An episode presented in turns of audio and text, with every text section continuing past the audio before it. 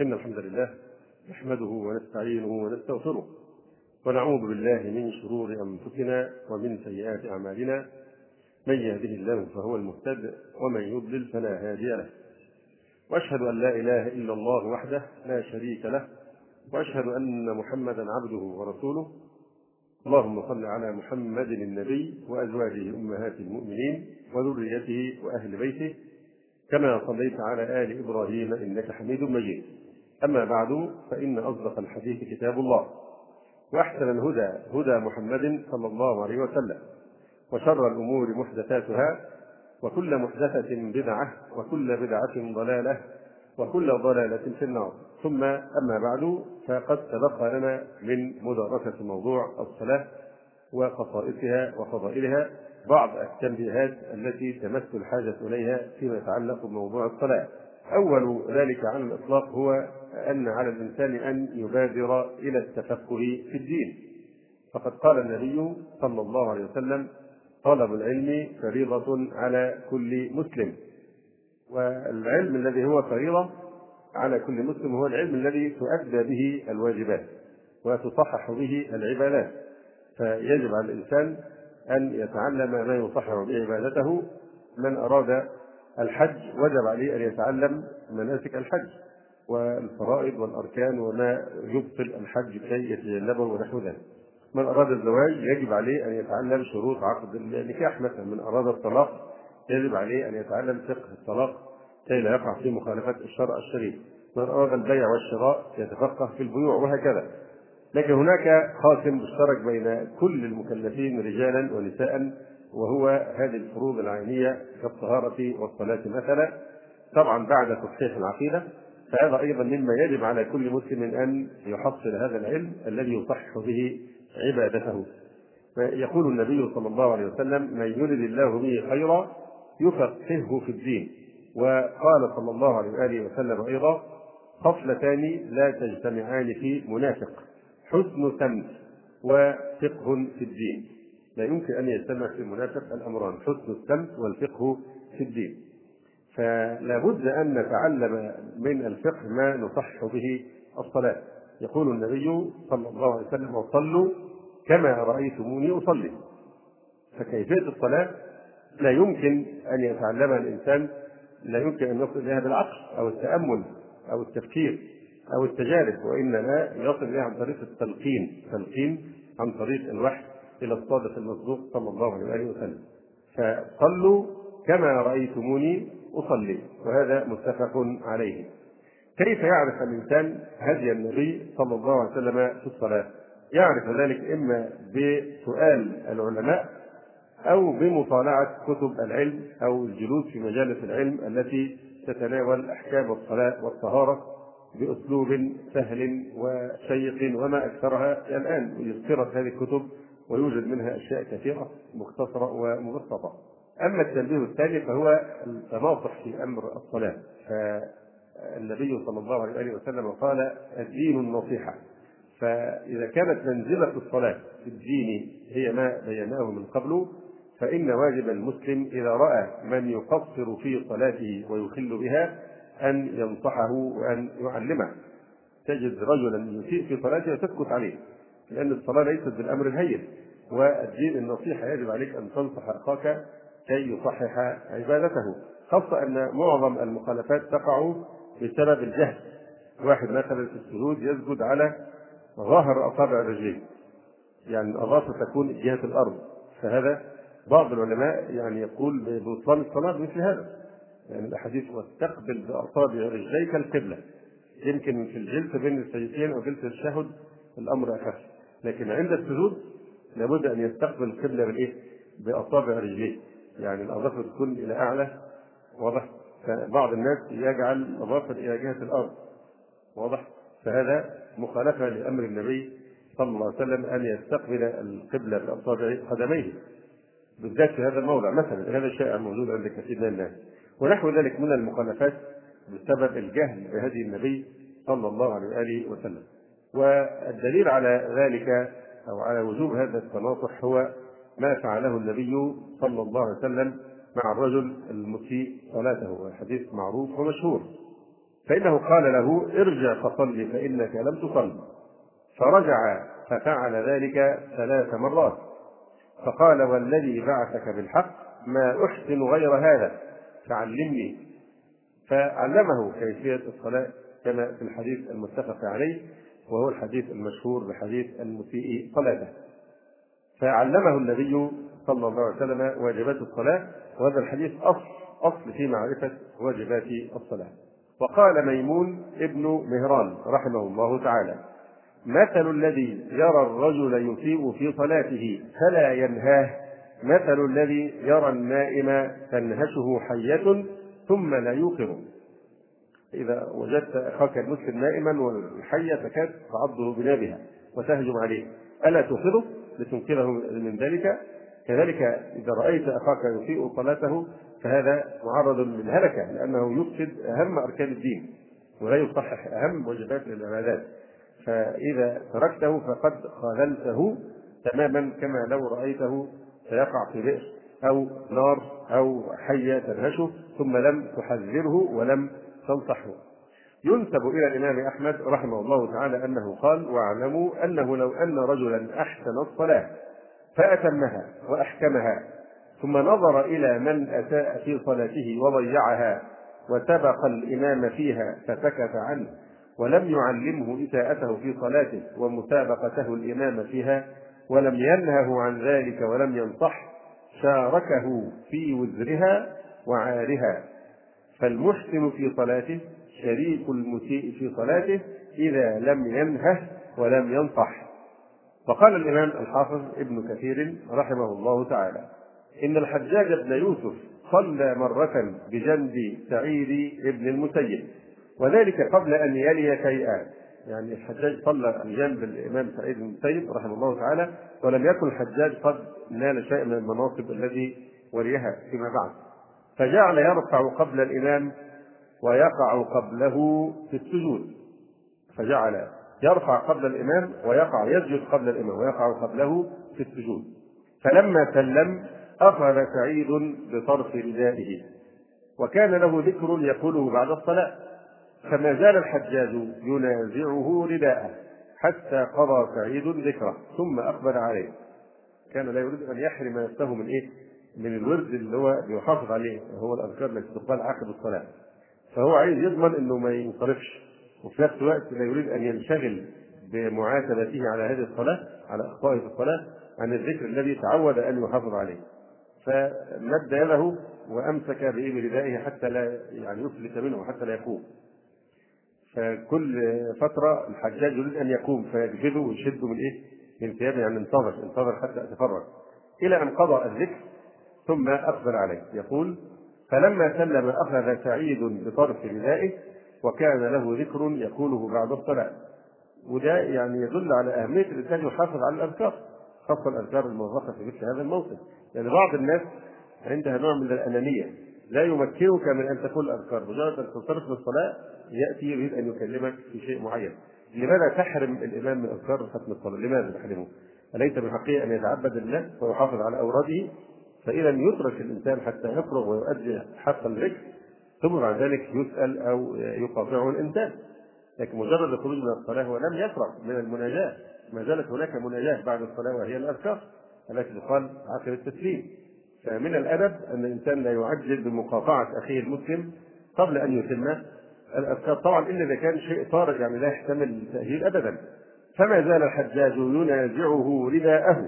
حتى قضى سعيد ذكره ثم أقبل عليه سعيد فقال له يا سارق يا خائن تصلي هذه الصلاة؟ يصف بالسرقة لأن لا يسرق من الصلاة ما يؤدي حقها. يا خائن لأنه ضيع الأمانة أمانة الصلاة. يا سارق يا خائن تصلي هذه الصلاة. لقد هممت أن أضرب بهذا النعل وجهك. فلم يرد عليه. ثم مضى الحجاج إلى الحج ثم رجع فعاد إلى الشام ثم جاء نائبا على الحجاز. جاء وقد عين نائبا على الحجاز. فلما قتل ابن الزبير كر راجعا إلى المدينة نائبا عليها. هذه المرة صار نائبا على المدينة.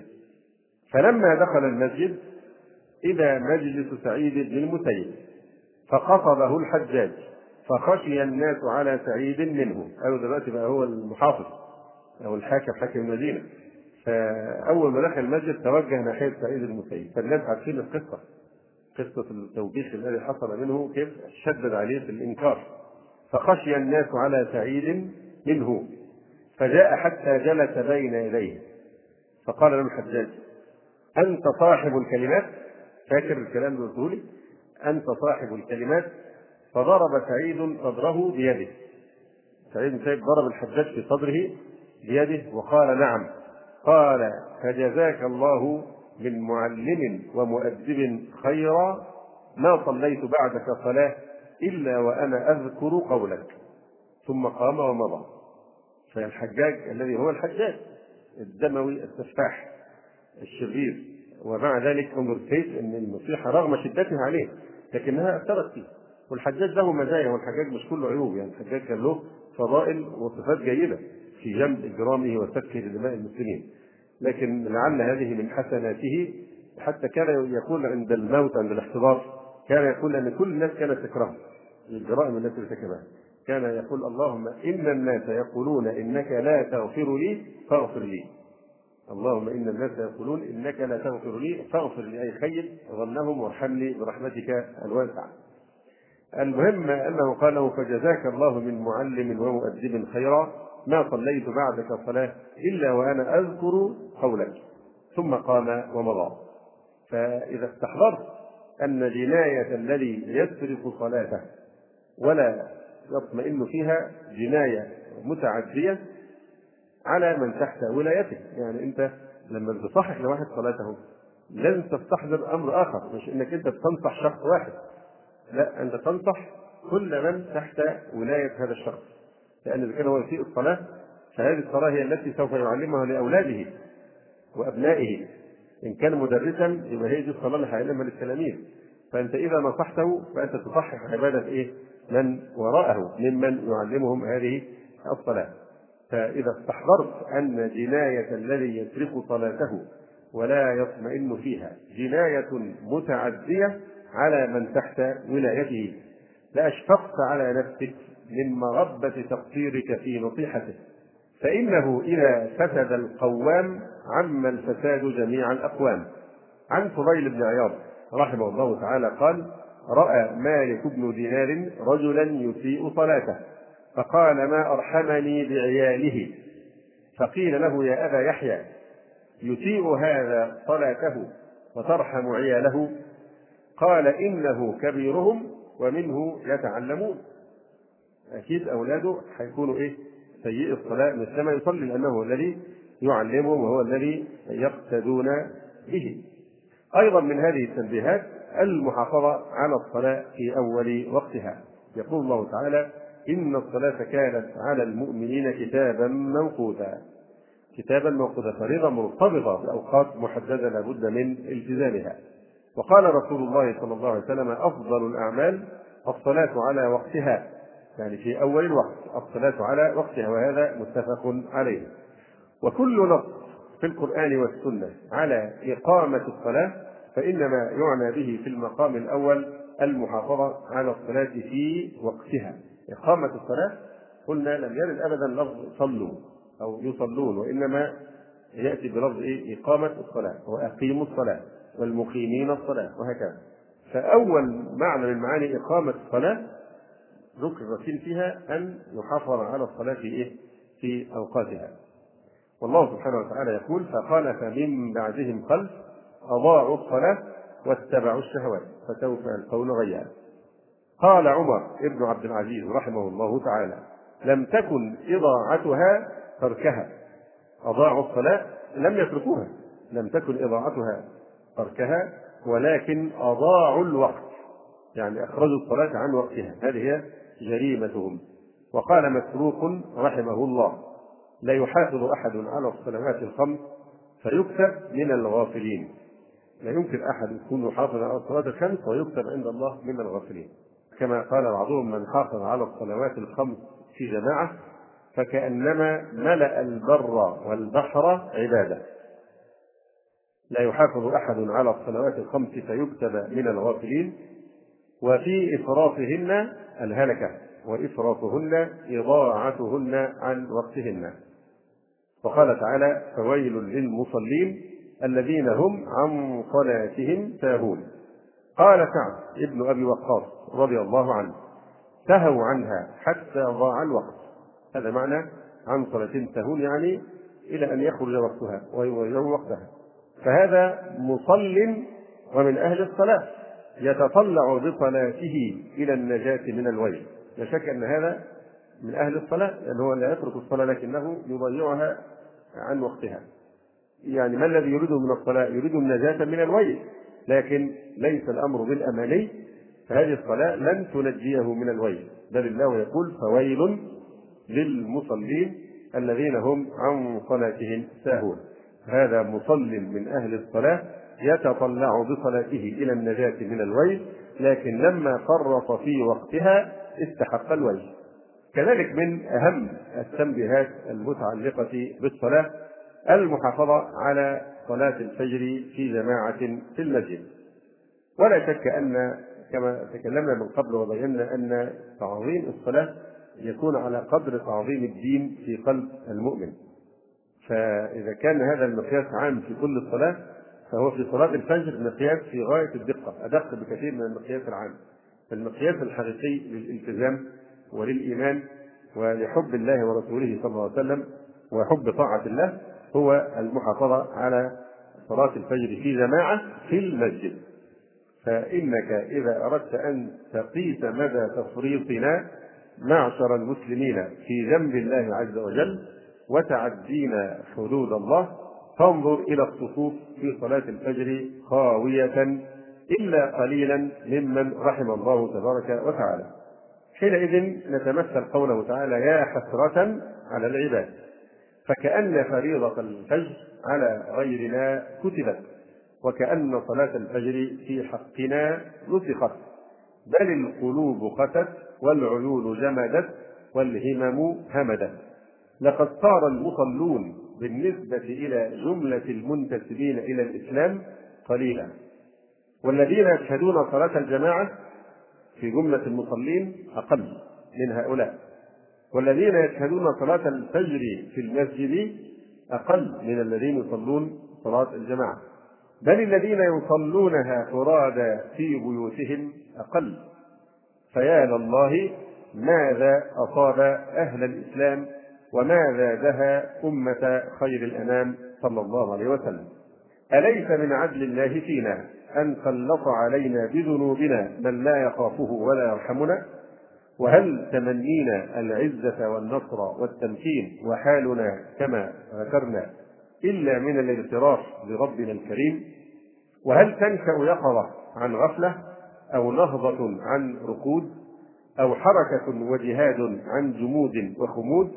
أو حياة من موت أو انتباه وانتعاش من قساوة وفتور إن الله لا يغير ما بقوم حتى يغيروا ما بأنفسهم. إن الطريق إلى الفلاح والتمكين يبدأ من المحراب وعلينا أن نبادر بالمصالحة مع الله والإنابة إليه قبل أن ينزل بنا سخطه ويحل علينا غضبه ولا تحين مناص بذنوبنا دامت بليتنا فالله يكشفها إذا تبنا إذا هذه المعصية معصية تفويت والتفريط في صلاة الفجر. كيف نتوب من هذه المعصية الكبرى؟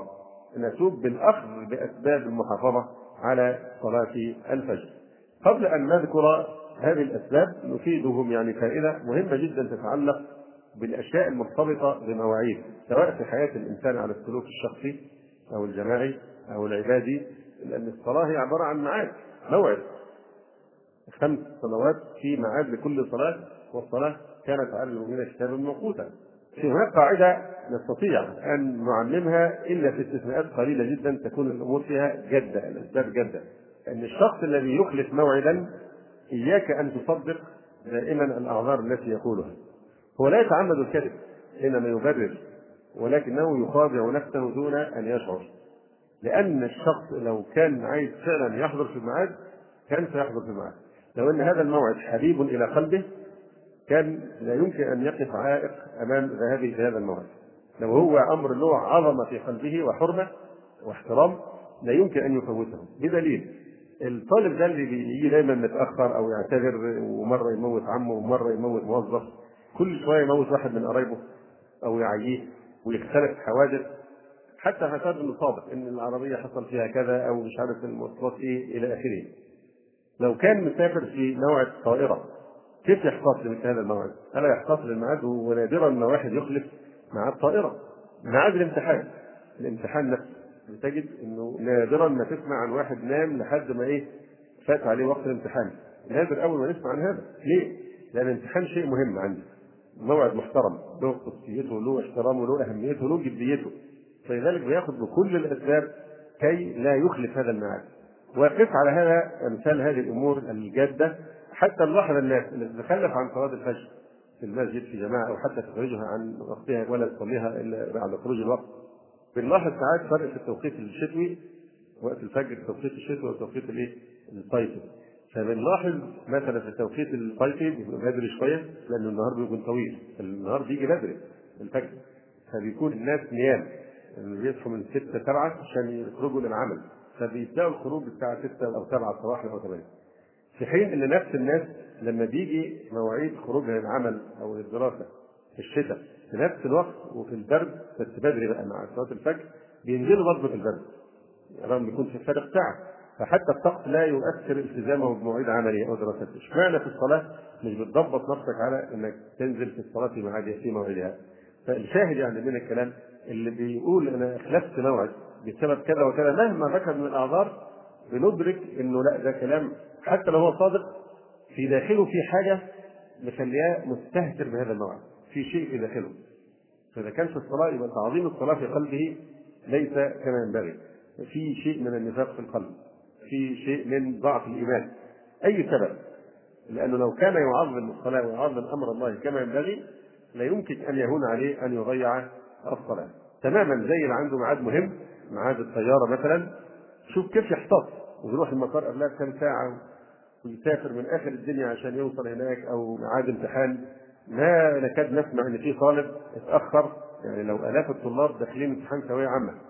كم واحد فيهم هيصحى الصبح ويجوا متأخرين بعد الامتحان بتاعه ويقول اصل كنت سهران وتعبان. كم واحد؟ تقريبا لا. لكن كم واحد من نفس العدد بيصلي الفجر في وقتها في جماعة؟ أو حتى في وقتها في بيته. كم واحد؟ لا يجي الاباء تأخذهم بهم رأفة في دين الله. يقول صعب علي اصحيه الدنيا كانت برد. الولد سهران. وصحيت زي صلاه الفجر وشق عليه إلى آخره. فهذه إيه؟ دي مش حب وعطف. دي إيه؟ رأفة في دين الله التي نهى الله عنها. في قوله تعالى ولا تأخذكم بهما رأفة في دين الله. فده شيء مذموم. فضعف الأب هنا في مثل هذه الحالة يدل على أن ابنه عدو له. هذه عداوة ليست محبة العداوة التي قال الله سبحانه وتعالى فيها إيه؟ يا أيها الذين آمنوا إن من أزواجكم وأولادكم عدوا لكم فاحذروهم. هي عداوة بصورة أخرى غير العداوة الصريحة. لكن عداوة أنه يتسبب في إيه؟ أن يفسد عليه دينه. فهذه في الحقيقة عداوة. كل واحد لو صار عنده بصيرة لو كل واحد منا صار عنده بصيرة وبدأ يرجع يراجع حساباته في التزامه بالمواعيد أو في التزامه بالصلاة بالذات. وبالذات صلاة الفجر. لما يجي يراجع حساباته ويفتش هيجد فعلا في حاجة في داخله وإنه كان في إمكانه يحافظ على هذا الموعد لكن في الغالب اللي بيخلف بيخلف لأنه بيكره الميعاد ده أو بيستثقله أو لا يعظمه أو أي شيء آخر. لكن لو أراد لأنجزه في وقته بالضبط كما ضربنا الأمثلة. الاستبصار بمثل هذا الإنسان يكون صاحب لنفسه لما يجي يخدع نفسه يدقق يقول طب أنا الميعاد ده أنا بتحجج عشان ما أحضروش. لكن الحقيقة إيه؟ أنا أستطيع أن أتغلب على هذه الحجج وألغي هذه المعاذير. لو كنت بتوصل المكان متأخر مثلا بسبب المواصلات يبقى تنزل بدري شوية عشان تعمل حساب الزحام وهكذا يعني الإنسان يحفظ. فأولى الأشياء بالاحتياط لها هو صلاة الفجر في جماعته. فلنذكر جملة من أسباب المحافظة على صلاة الفجر. أول هذه الأسباب أن يفتش الإنسان عن أمراض قلبه يفتش عن أمراض في قلبه وتشخيصها والاجتهاد في علاجها بما أمكن من الأدوية لأن القلب إذا صلح صلح الجسد كله. ألا إن في الجسد مضغة؟ إذا صلحت صلح الجسد كله ألا وهي القلب. وإذا فسد فسد الجسد كله فكل أحوال الإنسان أساسها القلب. فليفتش الإنسان في قلبه وينظف قلبه ويغسله مما يكدره فالقلب هو القائد الذي إذا استقام استقامت جنوده من الجوارح والأركان. روي عن النبي صلى الله عليه وسلم أنه قال لا يستقيم إيمان عبد حتى يستقيم قلبه ولا يستقيم قلبه حتى يستقيم لسانه. وشجرة الإيمان في القلب. يرويها القرآن الكريم. من أراد أن يحيي موات قلبه وأن يرطب جفاف قلبه وقسوته فليسقها بالقرآن الكريم. القرآن هو الذي يحيي القلوب. فالقرآن مثل ما البدن كل يوم محتاج كمية من السوائل لا ينبغي أن تقل أبدا. كذلك لابد من أن يصل القلب يوميا مدد وغذاء من القرآن الكريم ليغذيه ويبقيه سليما معافى من الآفات والأمراض. فشجرة الإيمان في القلب يرويها القرآن الكريم ويسقيها ذكر الله سبحانه وتعالى ويقيمها على ساقها حفظ حدود الله عز وجل وتعظيم أمره ونهيه. فالإنسان يبادر بأن يتوقف ويتوب عن كل معصية حتى لا تحول هذه المعاصي دونه ودون طاعة الله عز وجل فإن من عقوبة السيئة السيئة بعدها وإن من ثواب الحسنة الحسنة بعدها. أيضا من هذه الأسباب أن يجدد الإنسان بين وقت وآخر ذكرا وعهدا بالآيات الكريمة والأحاديث الشريفة التي ترغب في المحافظة على الصلاة عموما وصلاة الفجر خصوصا. فلا بد من التذكير بين وقت وآخر. الكتب التي فيها الأحاديث الشريفة مثل رياض الصالحين وكتب العلم والأحاديث ونحو ذلك المفروض الإنسان مش يقراها مرة واحدة في عمره وخلاص يركنها بعد كده. لكن لازم يجدد باستمرار لأن في فرق بين الإنسان يكون عنده معلومة وبين التذكير بهذه المعلومة. التذكير انفعال في القلب وتجديد للعهد كل الناس تعرف أنها ستموت. لكن ما الذي يحس بالموت؟ إذا أعاد إلى ذهنه النصوص في التحذير من طول الأمل أو الترغيب في كثرة ذكر الموت وما بعد الموت إلى آخره. الإنسان باستمرار يذكر نفسه كما قال عز وجل فذكر إن نفعت الذكرى. وقال فذكر فإن الذكرى تنفع المؤمنين. فالتذكير غير المعلومة التذكير تجديد العهد. فالإنسان يحتاج من وقت وآخر بالذات يعني إذا حس بالفتور مثلا في الصلاة يجدد العهد بالأحاديث الواردة في ذلك. وده في أي شيء الإنسان بيقصر فيه بغض البصر بس ما يستسلمش. لابد يقرأ من جديد النصوص في غض البصر. حتى لو كان يحفظها لا يقرأ ثاني من جديد ويجدد عهدا بها حتى يتأمل أكثر وبعمق فتحدث له خشية وإنابة إلى الله سبحانه وتعالى. حتى في السنن في أي شيء من أمور الدين بين وقت وآخر لازم الإنسان يجدد العهد بالنصوص الواردة فيه لتعمل هذه النصوص عملها في إحياء موات قلبه. يقول الله تبارك وتعالى وقرآن الفجر إن قرآن الفجر كان مشهودا. وقرآن الفجر هذا تحريض على سماع أو تلاوة قرآن الفجر. طبعا المقصود بقرآن الفجر القرآن الذي يقرأ في صلاة الفريضة. مش زي ما بيعملوا في الإذاعة في رمضان بيعملوا بدعة إن واحد يقرأ قرآن بعد الأذان بالطريقة المعروفة. ويستدل المذيع بإيه؟ يقول لك وقرآن الفجر. يقول لك مع شعائر صلاة الفجر. فيعتبرها من شعائر صلاة الفجر. من قال إن هذه من شعائر صلاة الفجر؟ قراءة القرآن. كل واحد يقرأ لنفسه ولا يشوش على أخيه. وقرآن الفجر. إن قرآن الفجر كان مشهودا. لا القرآن الذي يتلى داخل الصلاة. ولذلك يستحب إطالة قراءة القرآن بالذات في صلاة الفجر. لماذا؟ لأن لها خصائص. من أهم خصائص صلاة الفجر قوله تعالى هنا إن قرآن الفجر كان مشهودا أي تشهده تحضره ملائكة الليل وملائكة النهار. تجتمع في هذه الصلاة. فالمقصود من قوله إن قرآن الفجر كان مشهودا أن صلاة الفجر تشهدها ملائكة الليل وملائكة النهار وقال رسول الله صلى الله عليه وسلم بشر المشائين في الظلم إلى المساجد بالنور التام يوم القيامة. لا بأس الإنسان إذا كان في حديث يهز كيانه أكثر من غيره يكتبه بخط جميل أو يخلي واحد يكتبه له ويعلقه أمامه باستمرار بحيث ينشطه ينشط همته إذا كسل فإذا كان يتأذى من النزول في الظلام مثلا وتذكر هذا الحديث. بشر المشائين في الظلم إلى المساجد بالنور التام يوم القيامة. أليس هذا الأمل وهذا الطموح إلى أن تنال هذا الثواب يوم القيامة؟ ألا يكون حافزا لك على اختراق الظلمات إلى المساجد؟ لا شك أن الإنسان المؤمن الذي عنده يقين مثل هذا يحركه ويحفزه على الإنجاز. وقال صلى الله عليه وسلم لن يلج النار أحد. صلى قبل طلوع الشمس وقبل غروبها. يعني ممكن البيت يكون فيه سبورة وكل يوم يتكتب حديث بالتبشير عليه أو تعلق ورقة.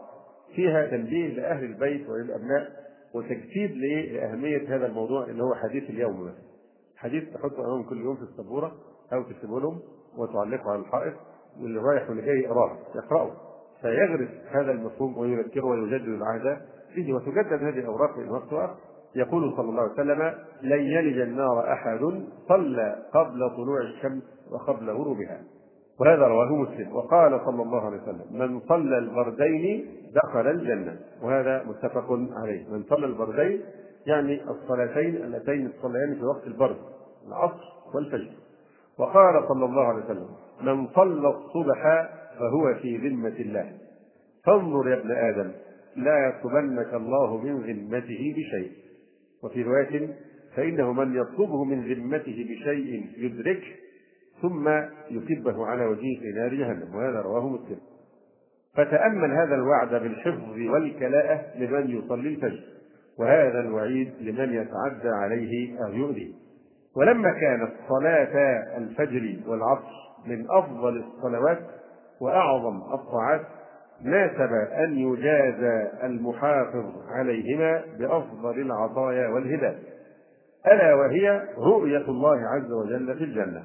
قال صلى الله عليه وسلم أما إنكم سترون ربكم كما ترون القمر لا تضامون في رؤيته فإن استطعتم ألا تغلبوا على صلاة قبل طلوع الشمس وقبل غروبها فافعلوا.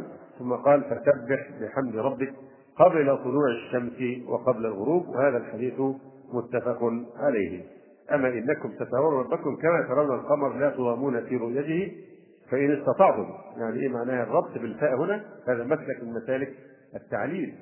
فإن استطعتم يعني كي تدركوا هذه الفضيلة وهي رؤية الله سبحانه وتعالى في الجنة كي تدركوها ما الضريبة التي تدفع ما الشيء الذي ينال به هذه السلعة؟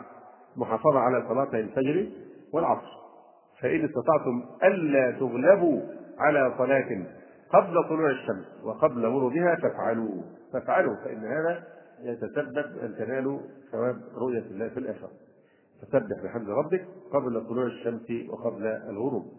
وهذا التعبير من النبي صلى الله عليه وسلم. قوله فإن استطعتم ألا تغلبوا. فإن استطعتم ألا تغلبوا. في نوع من المغالبة والمصارعة والمعالجة مع شيء آخر. فكأن في صراع بين النوم وبين الاستيقاظ. بين أن يهب الإنسان للصلاة وبين أن يستجيب لله الشيطان. عليك ليل طويل. فرق بين الإقدام وبين الإحجام ففي مغالبة في مصارعة. ما معنى قوله؟ أو إيه الرسالة اللي بتوصلها لنا؟ عبارة فإن استطعتم ألا تغلبوا على صلاة قبل طلوع الشمس وقبل غروبها. الرسالة التي نلتقطها بكلمة ألا تغلبوا إن استطعتم ألا تغلبوا يعني إيه؟ اجتهدوا في الأخذ بالأسباب الكثيرة بالاستيقاظ للصلاة. هذا الذي نفهمه كلمة استطعتم ألا تغلبوا. فشوف إيه السبب اللي يغلبك على صلاة الفجر أو العصر وإيه؟ وحارب هذا السبب ولا تدع شيئا يغلبك على هذه الصلاة. هكذا فعل النبي صلى الله عليه وسلم حين قفل أي رجع من غزوة خيبر. سار ليلة أو سار ليله حتى إذا أدركه الكرى من مشقة السير في الصحراء وطول المشي أدركه الكرى وعرس. عرس يعني أي نزل في آخر الليل للنوم والراحة. فيريد أن ينام والصحابة يريدون أن يناموا من شدة الإعياء بعد عودتهم من غزوة خيبر. فماذا قال للصحابة؟ قال للصحابة احفظوا علينا صلاتنا لازم ما تنامش لازم نبقى حراسة لكي ينبهونا إلى صلاة الفجر. احفظوا علينا صلاتنا لأن النائم مرفوع عنه قلق لكن ما الذي يستطيعه؟ من يريد أن ينام؟ الذي يستطيعه هو إيه؟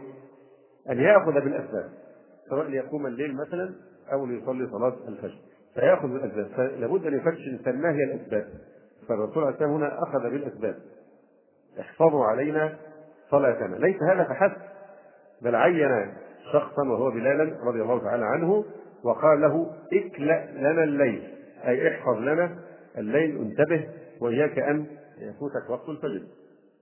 فصلى بلال ما قدر له. ظل بلال يحرسهم وينتظر الفجر فأخذ يتنفل وصلى ما شاء الله له أن يصلي من القيام فصلى بلال ما قدر له ونام رسول الله صلى الله عليه وسلم وأصحابه. فلما تقارب الفجر استند بلال إلى راحلته مواجه الفجر. يعني استند إلى الراحلة إلى الناقة وهو نظر في الجهة جهة الشرق حيث يطلع أول شعاع الشمس يركز بقى على المكان اللي هيطلع فيه الشمس أو الشعاع الأول. فاستند إلى الراحلة فغلبت بلالا عيناه وهو مستند إلى راحلته.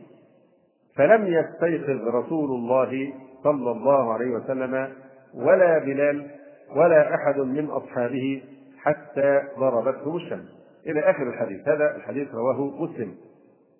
فمثل هذا النوم الذي يغلب الإنسان رغم بذله وسعه في تحصيل أسباب الاستيقاظ هو الذي يقال فيه ما قال فيه رسول الله صلى الله عليه وسلم في حادثة مماثلة أو في نفس الحادثة قال أما إنه ليس في النوم تفريط إنما التفريط على من لم يصلي الصلاة حتى يجيء وقت الصلاة الأخرى.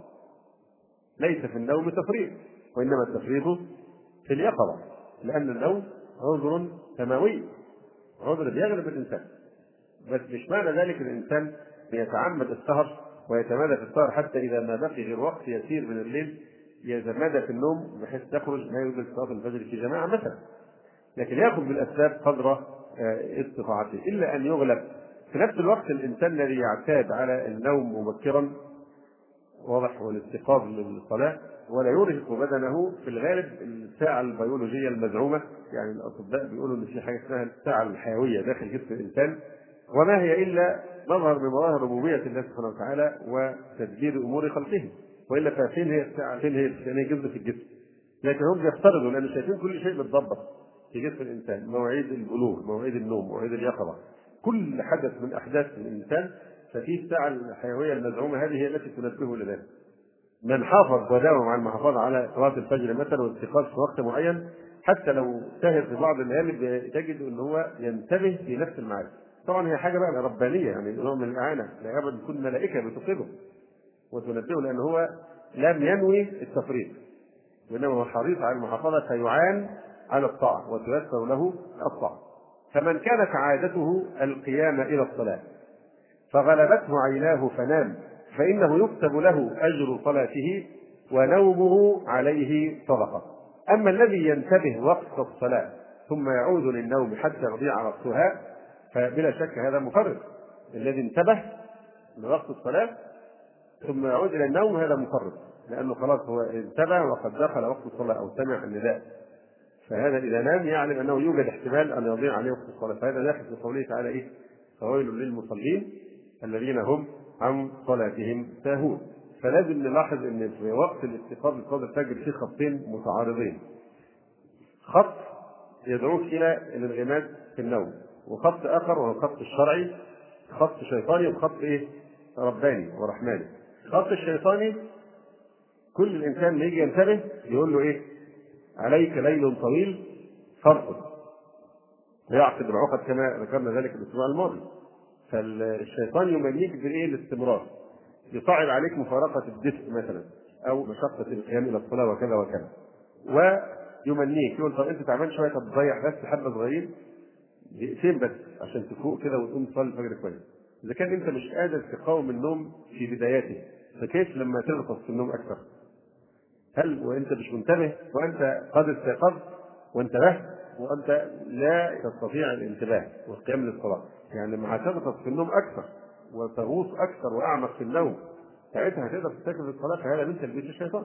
فده الخط الشيطاني الشيطان بيحاول يجعلك تسوف وتغرق في النوم تاني العدو لدود ومتربص بك. الخط الرحماني بقى بالعكس.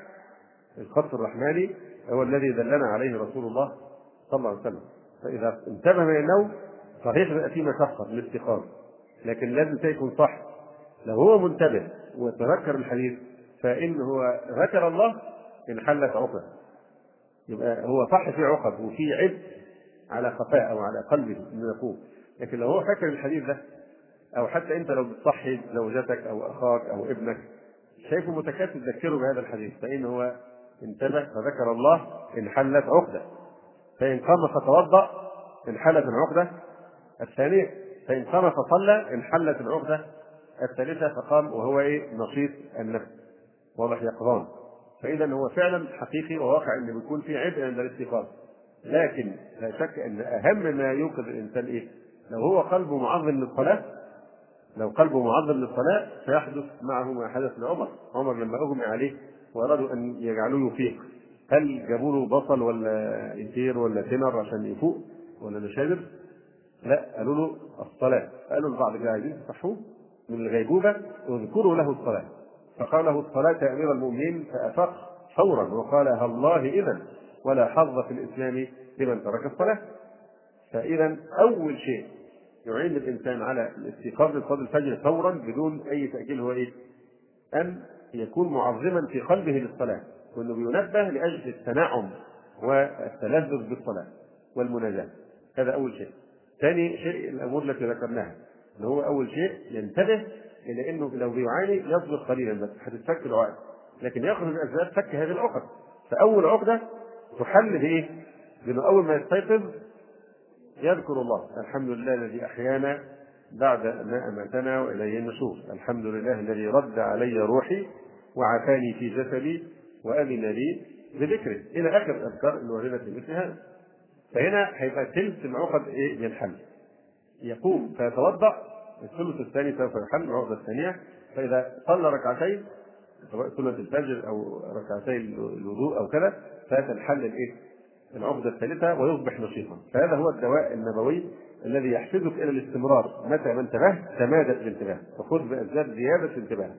لكن أصغيت إلى الشيطان فيبول الشيطان في أذنيك كما جاء في الحديث وتبوء بالإثم والخسران والويل.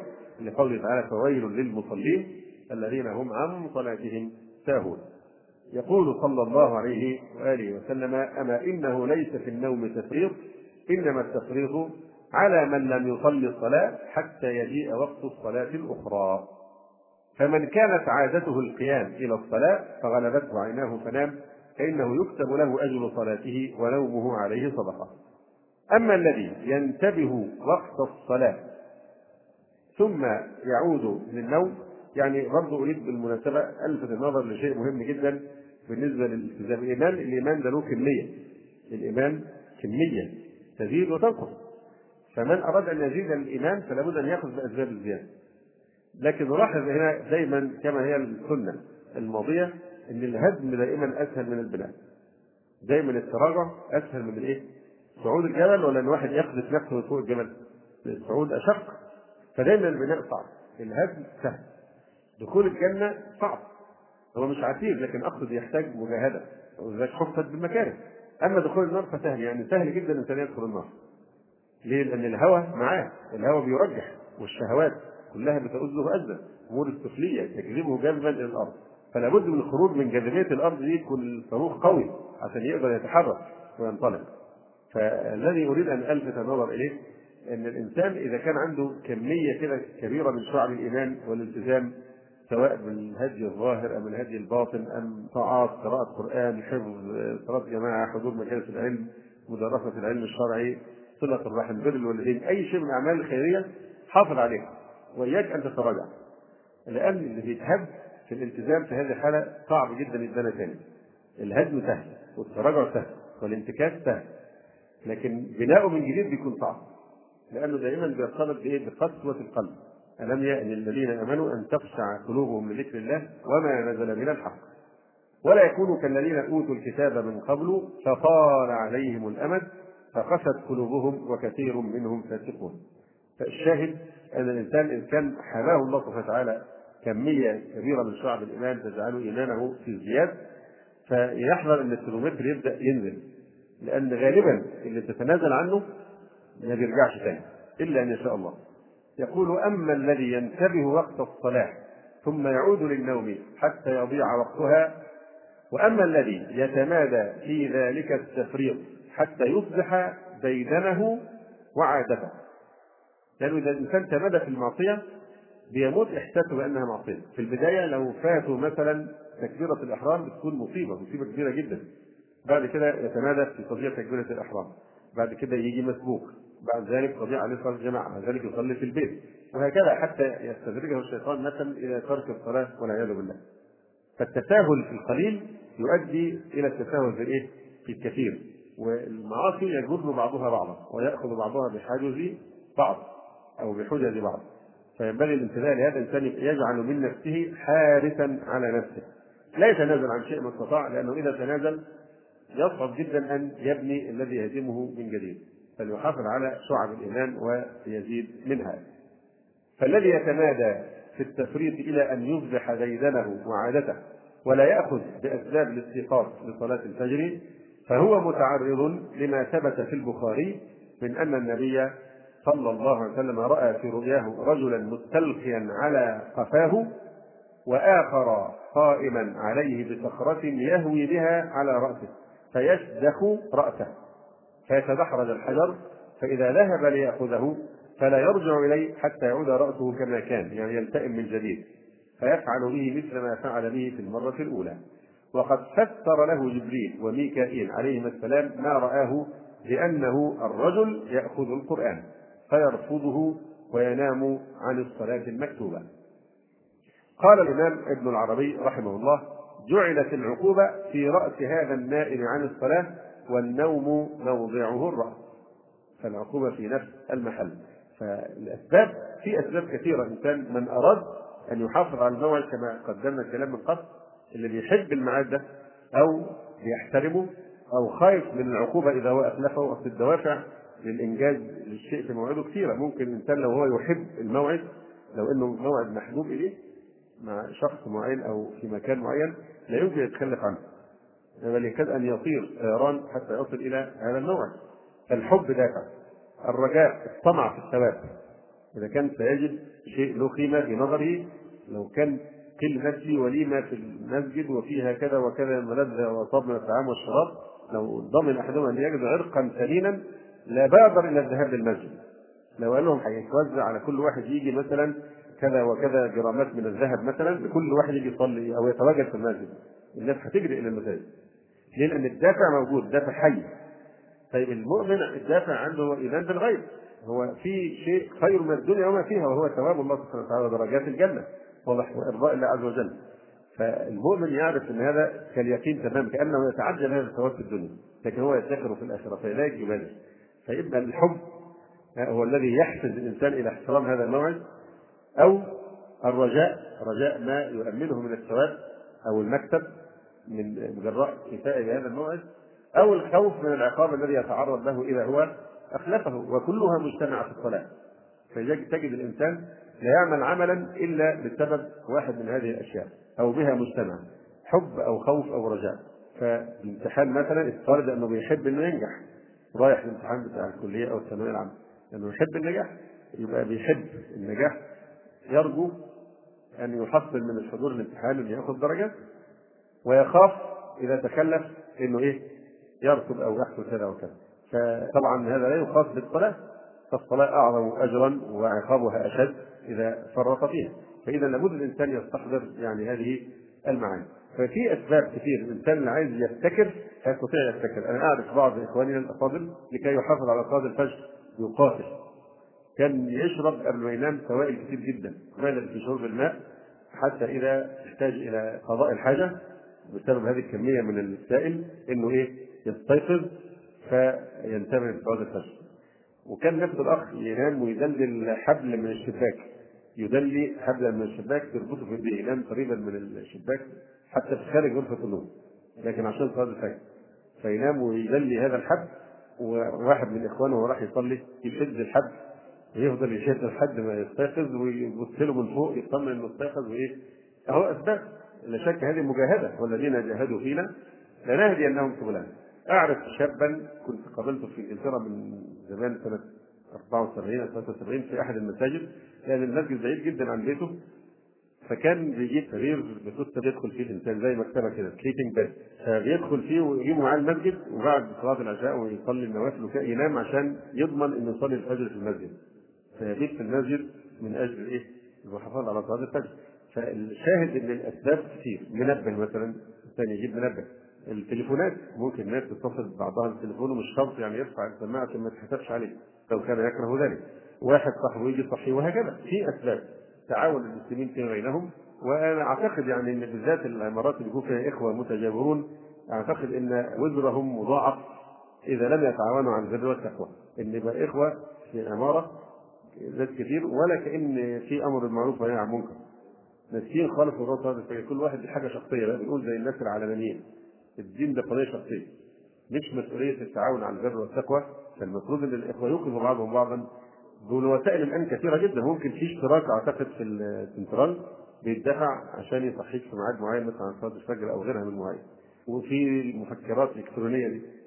100 وسيلة في ساعات فقط للأذان. تعمل لك صوت الأذان توصله في صلاة الفجر. فأعتقد في أسباب كثيرة جدا ومش شرط تكون مكلفة من الناحية المالية لكن من أراد عمل من كان جدا وحريصا يستطيع أن يتغلب ولا يتعلل بالأعذار. وإذا كان ثواب ركعتي الفجر ركعتي الفجر ركعتي السنة ثوابها إيه؟ خيرا من الدنيا وما فيها. ولذلك قال الرسول عليه وسلم لا تدعوهما ولو صاردتكم الخير. فإذا كان ثواب ركعتي الفجر السنة النافله خيرا من الدنيا وما فيها فكيف بالفريضة؟ كيف يكون ثواب الفريضة؟ والله سبحانه وتعالى يقول في الحديث القدسي ما تقرب إلي عبدي بشيء أحب إلي مما افترضته عليه من أجل ذلك كله ومن أجل أن المؤمن تمس حاجته إلى مزيد التنبيه للاستيقاظ لصلاة الفجر للتغلب على وسوسة الشيطان وتسويل النفس الأمارة بالسوء شرع الأذان الأول قبل دخول وقت الفجر. هذه خصيصة من خصائص إيه؟ صلاة الفجر إن شرع الأذان الأول من أجل إعانة الناس على تحصيل الثواب العظيم لصلاة الفجر ومن أجل التنبيه باسباب زيادة ومن أجل التغلب على وسوسه الشيطان وتسويل النفس الأمارة بالسوء. ثم زيد في اذان الأول للفجر هذه العبارة الوجيزة الحاسمة. التي تسري في قلب المؤمن سريان الكهرباء فيطرد النوم ويهب للصلاة. ألا وهي عبارة؟ الصلاة خير من النوم. فلا شك الانسان لو وعى هذه الكلمة الصلاة خير من النوم. فلذة الصلاة خير عند أرباب الذوق وأصحاب الشوق من لذة النوم. أما من سمعها ولم تعمل في قلبه فآثر لذة الدنيا على نعيم الآخرة فإنه يعاقب بأن يبول الشيطان في أذنيه ويصبح خبيث النفس كسلان. من هذه الأسباب المسارعة إلى النوم أول الليل بعد أن يصلي العشاء وسنته البعدية ثم الوتر أخذا بالعزيمة وأن يتجنب التمر لأن الرسول صلى الله عليه وسلم كان يكره النوم قبل العشاء والحديث بعدها. وهذا رواه البخاري. له أن يثمر يعني على سبيل الشيء النادر مش القاعدة استثناء يعني. له أن يثمر إما في مذاكرة علم أو محادثة ضيف أو مؤانسة أهل. إذا كان عنده من يوقظه للصلاة كان ظن ان في حد هيوقظه للصلاة. أو عرف من عادة نفسه أنه يستيقظ. ولا يصبر إذا غلب على ظنه أنه يضيع الصلاة. بل لا يسهر في قيام الليل سهرا يضر بشهود صلاة الفجر. وفي الحديث القدسي ما تقرب إلي عبدي بشيء أحب إلي مما افترضته عليه. رواه البخاري. وعن أبي بكر ابن سليمان ابن أبي حسمه أن عمر بن الخطاب رضي الله عنه فقد سليمان بن أبي حتمه في صلاة الصبح وأن عمر بن الخطاب رضي الله عنه غدا إلى السوق ومسكن سليمان بين السوق والمسجد النبوي. فمر على الشفاء أم سليمان فقال لها لم ارى سليمان في الصباح إن في تفقد بقى في تفقد للإيه؟ للرعية أو في تفقد لإخوانه المسلمين واللي ما حضرش الصلاة ليه ما حضرش الصلاة؟ هذا موجود أعتقد حتى الآن في بعض المناطق في نجد بالذات في القصيم بيتخذ الغياب بالنسبة للناس في صلاة الفجر بياخدوا الغياب واللي ما جاش الصلاة يروحوا له مجموعة وليه ما جاش الصلاة ويحققوا في الأمر إلى آخره. الشاهد يعني من الأمر إن هذا أقل من الذي من التعاون على أداء صلاة الفجر أن يتعاهد الناس بعضهم بعض. بجانب تواجد في صلاة الجماعة له فضائل نفسية كثيرة جدا. يعني الشخص اللي عنده نوع من الرهاب الاجتماعي أو الانعزال الاجتماعي أو الخوف من المؤثر الاجتماعية أفضل علاج لها صلاة الجماعة لأنه بيعتقد صلاة الجماعة دي طبعا واجب عليه وغير مستعد أن يرتكب اثما بان يفرط في صلاة الجماعة أو صلاة الجمعة فبالتالي هو بيقاوم نفسه زي ما قلنا قبل كده الشيء اللي بيخوفه بايه؟ يعالجه بأنه يعمله يعمل ما يخاف منه. فبلا شك هذا يعالج الرهاب الاجتماعي أو الخواف الاجتماعي أو الميول الانعزاليه ليغمس المسلم في في جسد الواحد جسد إخوانه المؤمنين. في نفس الوقت متابعة الناس لما دايما تطمئن على بعضها لما بيغيب الإنسان مرض مات حصل له أي شيء يحس به إخوانه حينما يفتقدونه. والبركة تعود لإيه؟ خلاص الجماعة. بخلاف ما لو كان الناس منعزلين لا يتخبرون في المسجد ثم يغيب الواحد. أو يموت دون أن يحس أحد المهم قال لها لم أرى سليمان في الصبح فقالت إنه بات يصلي فغلبته عيناه وظل يقوم الليل إلى أن نام وغلبته عيناه ونام عن صلاة الفجر في الجماعة فقال عمر لأن أشهد صلاة الصبح في الجماعة أحب إلي من أن أقوم ليلة كاملة يعني ليه؟ لأن هذه نافله وتلك فريضة ولا شك عند التعارض تقدم الفريضة على النافلة وده من فقه الإنسان إنه ما يشتغلش بالنوافل ويضيع الفرائض. فإن من سهر سهرا شديدا وصلى الفجر مرهقا فإنه يتعرض لمشابهة المنافقين الذين لا يأتون الصلاة إلا وهم كسلى كذلك يتجنب الإنسان استقبال الضيوف الذين لا يبالون بتضييع صلاة الفجر. ويؤثمونه بالإفراط في السهر والسمر. قال الشعبي رحمه الله من فاتته ركعة الفجر فليلعن الثقلاء. من فاتته ركعة الفجر سنة. فليلعن الثقلاء لأن الثقلاء ضيوف الثقلاء يأتون بعد العشاء ويسهرون سهرا طويلا إلى أن يشق ذلك على هذا الإنسان فبالتالي يتأخر وتفوت ركعة الفجر. فيقول من فاتته ركعة الفجر فليلعن الثقلاء. وموضوع تنظيم الوقت يعني لابد الإنسان يعني لا يجالس إلا من يفيده أو من يستفيد منه. إما أن تفيده أنت أو يفيدك هو. ما عدا ذلك هو من فضول الزيارات وتضييع الأوقات. ولذلك الإنسان العاقل يجعل محبس الوقت في إيديه هو. ما يجعلش محبس الوقت في إيد الفوضويين الذين لا يبالون بظروف الناس. هو يرى أن الوقت مناسب له أن يذهب ليتسلى معه. لكن لم يسأل نفسه هل ظروفه هو مناسبة أم لا. فبالتالي الإنسان لو ترك نفسه وترك وقته نهبا لكل طارق فلن ينجز شيئا لا في دين ولا في دنيا. لكن ينبغي لكل إنسان يكون محبس الوقت في إيديه. ما يسيبش الناس هي اللي ماسكة المحبس تفتحه وقت ما تفتحه وتقفله وقت ما تقفله. هو الذي يتحكم في وقته هو الذي يحدد المناسب لظروفه ويفرض على الناس ذلك ويجبرهم على احترام النظام. بخلاف ما لو عاش في فوضى تمر السنوات تلو السنوات لا يتقدم بل يتاخر لا في دين ولا في دنيا. واضح؟ وتضيع اوقاته فهذا أيضا من الأمور المهمة. أيضا من الأسباب أن يقتني بعض الأجهزة الحديثة التي تنبه النائم وتوقظه كالساعات المنبهة والخدمات التليفونية المتاحة. وأن يتواصى الجيران بأن يوقظ بعضهم بعضا تعاونا على البر والتقوى على أن يعلق قلبه بالله لا بهذه الأسباب. الخامس من الأسباب أن يحافظ على الإتيان بآداب النوم وأذكاره خصوصا قراءة آية الكرسي والمعوذات عند النوم. ممكن أيضا عند الاستيقاظ إذا كان الرجل توقظه امرأته أو هو يوقظها أيضا يمكن أن ينضح الماء أو تنضح الماء في وجهه. بس برضه هنا لازم ننتبه في ناس عصبيين نرفوز شوية فممكن تتقلب الدنيا لو نضحت الماء عليه فممكن يستبدل بطيب مثلا يده يده بطيب ويدلك وجهه برائحة طيبة وبهدوء لأن ممكن بعض الناس يكون عصبي جدا فتصدر منه أشياء يعني إيه يندم عليها بعد ذلك. كذلك من الأمور المهمة أو الأسباب المحافظة على صلاة الفجر أن يواظب على شهود صلاة الفجر في مسجد واحد.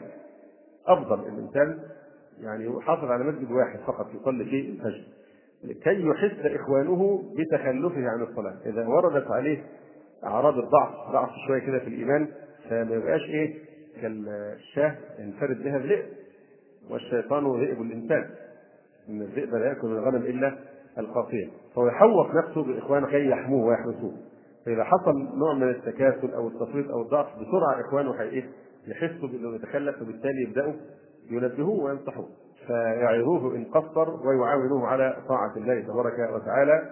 فإن الشيطان ذئب الإنسان وإنما يأكل الذئب من الغنم القافية يقول النبي صلى الله عليه وسلم لمن استوصاه أوصيك أن تستحيي من الله تعالى كما تستحيي من الرجل الصالح من قومك.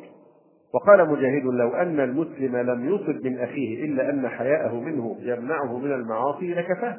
ودي بركة صحبة الإيه؟ الأخ الصالح. فإن حتى إن مجرد صحبته لن يتجرأ الإنسان على أن يرتكب معاصي معينة. فدي أول بركة صحبة الصالحين استحياؤه من أخيه يمنعه من الوقوع في المعاصي. فطبعا دي أول بركة صحبة الصالحين.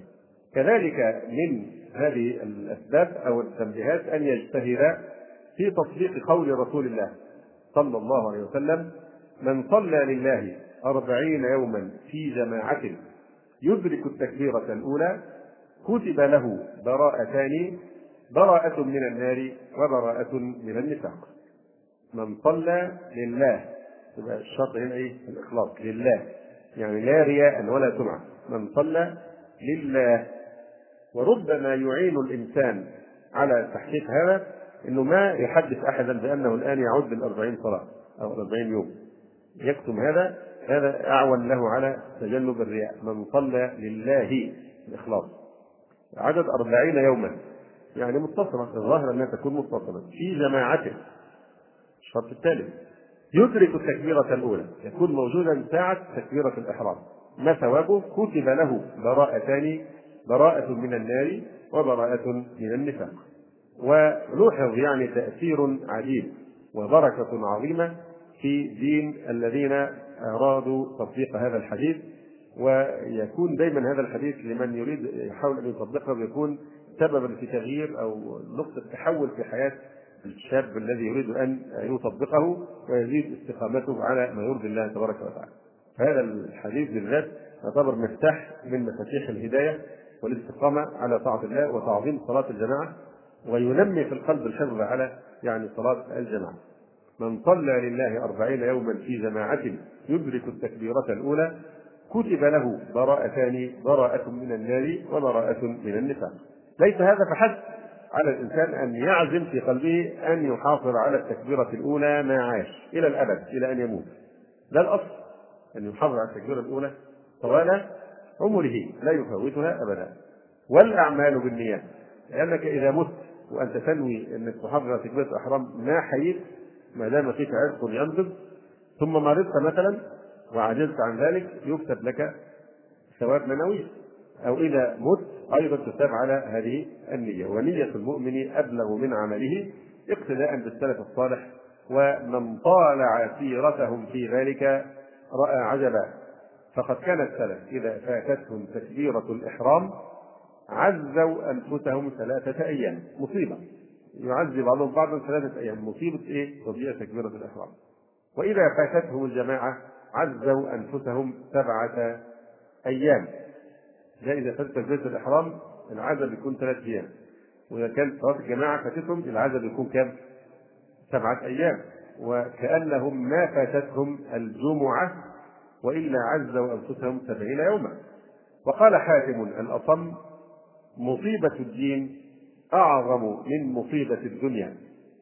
ولقد ماتت لي بنت فعزاني أكثر من عشرة آلاف. وفاتتني صلاة الجماعة فلم يعزني أحد. فهو يعني على الناس قلة اكتراثهم بالصلاة. وكان منهم من يبكي عندما تفوته تكبيرة الإحرام مع الجماعة. ومنهم الذي يمرض إذا فاتته الصلاة مع الجماعة. ومنهم القائل وقد قارب التسعين لم أصلي الفريضة منفردا إلا مرتين وكأني لم أصلهما. ومنهم من لم تفته صلاة الجماعة أربعين سنة إلا مرة واحدة حين ماتت والدته اشتغل بتجهيزها وهذا سعيد ابن المسيب يقول فيه تلميذه أبو وداع لم يرى منذ أربعين سنة إلا ما بين بيته والمسجد. وهذا سليمان ابن مهران الأعمش يقول فيه وكيع ابن الجراح كان الأعمش قريبا من سبعين سنة لم تفته التكبيرة الأولى. وهذا آخر ما تيسر اليوم. اكتفي بهذا القدر. أقول قولي هذا. أستغفر الله لي ولكم. سبحانك اللهم ربنا وبحمدك. أشهد أن لا إله إلا أنت أستغفرك وأتوب إليك.